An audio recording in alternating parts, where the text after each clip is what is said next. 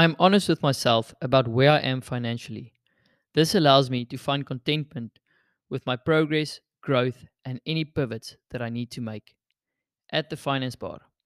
Nee, ek gaan nie vandag Engels praat nie, maar is so gepaste stuk wat ek vandag op Instagram gesien het. Toe dog ek dit pas ook so mooi by die onderwerp wat ons vandag gaan gaan bespreek en dit is 'n finansiële plan. Jy luister na episode 3 van Spaarwiel die podcast. My naam is Eduan en op die podcast praat ons oor alles wat gaan oor gesonde persoonlike finansies en die roete of die avontuur of rollercoaster na finansiële onafhanklikheid toe.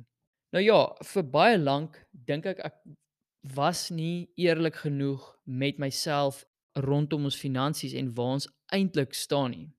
Dit was altyd die doel om finansiëel onafhanklik te raak, maar toe ons dit op papier sit, presies waar staan ons? Wat is ons inkomste presies en wat is ons uitgawes presies en wat is ons bates en wat is ons lastes? Lastes, mooi man. Ons laste. Toe toe kom ons agter, okay. Nou nou is daai konsep van knowledge is power. Nou het ons daai kennis van presies wat het ons en wat het ons nie? Wat kry ons in en wat gaan uit? En met daai kennis kon ons toe sekere besluite gemaak het. So dit is daai dis die konsep wat ek vandag wil verduidelik en dit mense kan 'n finansiële plan opstel met pen en papier of jy kan Excel gebruik. Nou ek persoonlik is mal oor Excel. So vir ons vir ons is dit maklik. Ons stel die ding op Excel op. En jy trek basies, maar kom ons vat die voorbeeld van pen en papier. Jy trek basies 'n lyn regdeur van bo tot onder op daai op 'n stuk papier. En aan die linkerkant hou jy al jou positiewe en aan die regterkant al jou negatiewe. Of aan die linkerkant hou jy al jou inkomste en jou bates en aan die regterkant hou jy al jou uh uitgawes en laste. Ek wil eerste, so ons lees mos van links na regs. So ek wil eerste my inkomste sien en my bates en dan tweede wil ek my uitgawes en my laste sien of in die geval ons inkomste en bates en ons uitgawes en laste. Dis dan eenvoudig. Heel bo skryf jy jou persoonlike inligting neer. Enige persoonlike inligting wat jy wil neerskryf. Dit kan wees van jou naam, jou van, jou ek dis als eintlik maar irrelevant, maar dalk uh, wat se geldeenheid jy in leef.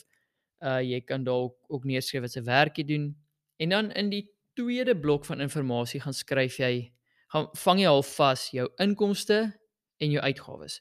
Nou by jou inkomste kan dit nou jou hoof inkomste bron wees, sê net maar jou werk, maar dit is ook jou side hustles wat jy nou het. Jy werk dalk maar jy's ook 'n boer of jy werk dalk en jy rig ook sport af of wat ook al dit wat ook al dit mag wees, verstaan jy? speel dalk in 'n band en jy jy maak dalk 'n geldjie on the side of wat ook al dit is, daar vang jy al jou inkomste vas. En aan die regterkant vang jy al die uitgawes vas. Nou ons gaan binnekort op die podcast gaan ons praat oor uh hoe belangrik uitgawes is en hoe belangrik is dit om dit te kategoriseer, maar intussen kan jy begin. Jy kan dit vir jouself gaan jy kan gaan kyk oor die laaste 3 maande waar gee jy eintlik geld uit. En dan vang jy vas al jou uitgawes. Nou kom ons sê jou inkomste is, is byvoorbeeld as ons in rande praat, is jou inkomste argumentstaal R25000 en jou uitgawes is R22000. Dan bly daar netto R3000 oor. Maar dit kan ook wees dat dit andersom is. Dit kan ook wees dat jou uitgawes te veel is en jou teenoor die inkomste. Maar dan ten minste met hierdie kennis en die feit dat jy eerlik is met jouself, kan jy nou gaan kyk, okay, maar aan watter kant van die spektrum moet ek nou gaan krap, verstaan ek moet nou of minder geld uitgee of meer geld inkry. Ek moet nou of minder vir die TV sit in die aande en dalk 'n tweede of 'n derde werk kry of 'n side hustle begin of ek moet gaan vra vir 'n verhoging by die werk. Jy werk dalk jou alie af, maar jy word dalk nie betaal wat jy eintlik werd is nie. Of aan die ander kant, ehm um, kan dit net wees dat jy aan van jou uitgawes moet gaan krap. Jy ry ry dalk eenvoudig net 'n te duur kar. 'n Groot kar byvoorbeeld, een sy paaiement is hoog, twee sy ver, sy versekerings is duur. Hy's ook duur op brandstof ook. Um so byvoorbeeld mense kan op baie big ticket items nogal baie geld spaar. Jy bly dalk net in 'n area wat jy eintlik nie kan bekostig nie of in 'n huis wat ook net 'n paar vierkante meter te groot is vir jou.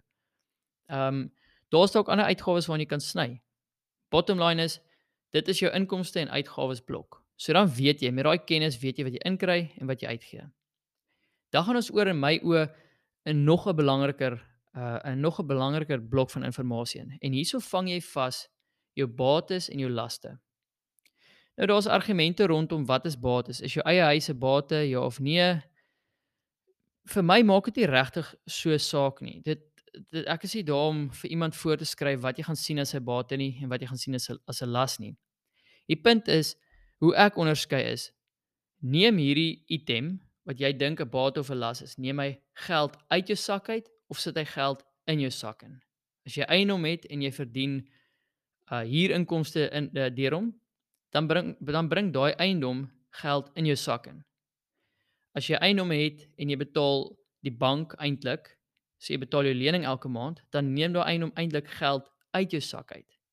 Nou op 'n of ander punt skuld jy minder as wat die eiendom werd is sou jy hom op daai oomblik verkoop dan dan is daar 'n mate of of dan so 'n argument om te voer.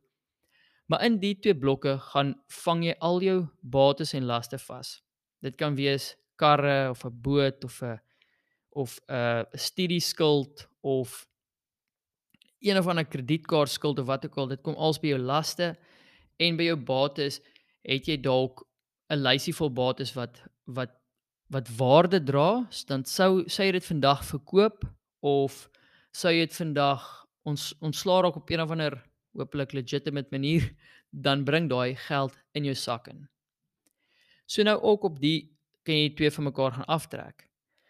Jou bates minus jou laste gee dan vir jou 'n netto 'n netto bedrag of 'n netto waarde. As ons dan oorskuif na die volgende blok inligting toe, is dit is regtig wat vir interessant raak en dit is regtig wat relevant ook raak. En dit is doelstelling. Maak nie saak wat in blok 2 en 3 is nie, by inkomste en uitgawes of by bates en laste nie. Hier's waar dit regtig saak maak. Daai daai inkomste en uitgawes en bates en laste, dit is net as jy met jouself eerlik was toe jy dit neerskryf, dit highlight net die werklikheid. En as jy dan bereid is om met jouself eerlik te wees, soos daai Instagram quote van vroeër wat ek gelees het.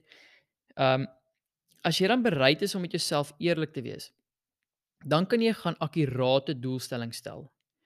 Dan kan jy letterlik gaan en jy kan gaan sê, "Oké, okay, my korttermyndoele is dit. My mediumtermyndoele is dit en my langtermyndoele is dit." Jou korttermyndoele mag dalk wees om vir Desember se vakansie te spaar of om so gou as moontlik ontslae te raak van enige skuld wat jy dalk het of ietsie soos dit. 'n Mediumtermyndoel mag dalk ietsie wees wat op die horison lê oor 3 of 5 jaar. Jy wil dalk kinders hê oor 5 jaar of 3 jaar of jy wil dalk kan bekostig om kinders te hê of jy wil dalk 'n groot wêreldreis doen oor oor 24 maande of wat ook al dan gaan allokeer jy al jou gedagtes aan daai mediumtermyn doelwit en en jy skryf dit neer op pen en papier of of in my geval of in ons geval was dit op Excel. En dan gaan jy oor na jou langtermyn doelwitte. Nou die langtermyn doelwitte is gewoonlik vir my ten minste ek sien dit as na 7 jaar. Enigiets tot en met 7 jaar is nog so half 'n medium medium langtermyn en na 7 jaar 7 tot 30 40 jaar is regtig jou langtermyn doelwitte. Dit kan wees dit kan te doen hê met pensioen of dit kan te, doen wees met uh enige doelwit wat jy dalk het oor oor 10 jaar wil jy 10 eiendomme besit of oor 7 jaar wil jy wat ook al daar daar's spesifieke finansiële doelwitte. Nou in ons lewe, in my my vroutjie se lewe is daar 'n spesifieke langtermyn doelwit en dit is om finansiëel onafhanklik te word op 'n ouderdom lank voor 65, die voorgeskrewe ouderdom Ehm um, wat ons ook nog in die toekoms oor gaan praat oor die relef relevantie van 'n ouderdom van 65. Maar in elk geval, die die langtermyn doelwit staan daar. En hy is gehighlight in in die donkerste, helderste, eerder moet ek sê, die helderste kleur ooit, sodat hy ons kan herinner aan ons langtermyn doel. Want daai langtermyn doel sit al die ander doelwitte in perspektief. Dit sit letterlik al die ander doelwitte, die medium en die korttermyn doelwitte in perspektief. Ek voel ook dat daai langtermyn doelwit is ook iets wat moet voorkeur kry. Maar ja, dit is 'n finansiële plan en dan die die punt is hoekom ek hierdie vandag wou bespreek het. As jy al hierdie goeders, al hierdie al hierdie inligting neergeskryf het en al jou doelwitte neergeskryf het en dit akkuraat en eerlik neergeskryf het, dan weet jy, dan jy perspektief, dan het jy kennis ook oor waarom jy geld uitgee of waarom jy geld inkry en aan wat jy gaan geld uitgee. Nou ek hoop hierdie het so 'n bietjie gehelp om om dit duidelik te maak oor hoekom 'n finansiële plan so belangrik is. En ek hoop dat elkeen het 'n tydjie gemaak eers voor Kersfees. Gaan gryp daai pen en papier of gaan gryp daai Excel sheet en um, of ek het gister, gisteraand ook met 'n pel gepraat met ou Corrie uh die Google Sheets blykbaar is dit nou deesdae 'n ding dat Excel op, op baie mense gebruik nie meer Excel nie maar wat ook al jy gebruik al is dit 'n whiteboard gaan skryf jou inligting neer, wees eerlik met jouself en kategoriseer dit sodat jy weet waar jy heidaglik staan en waar jy in die toekoms wil heen gaan. Vir hierdie episode gaan ons eers net tot daar. Dankie dat jy geluister het en tot 'n volgende episode.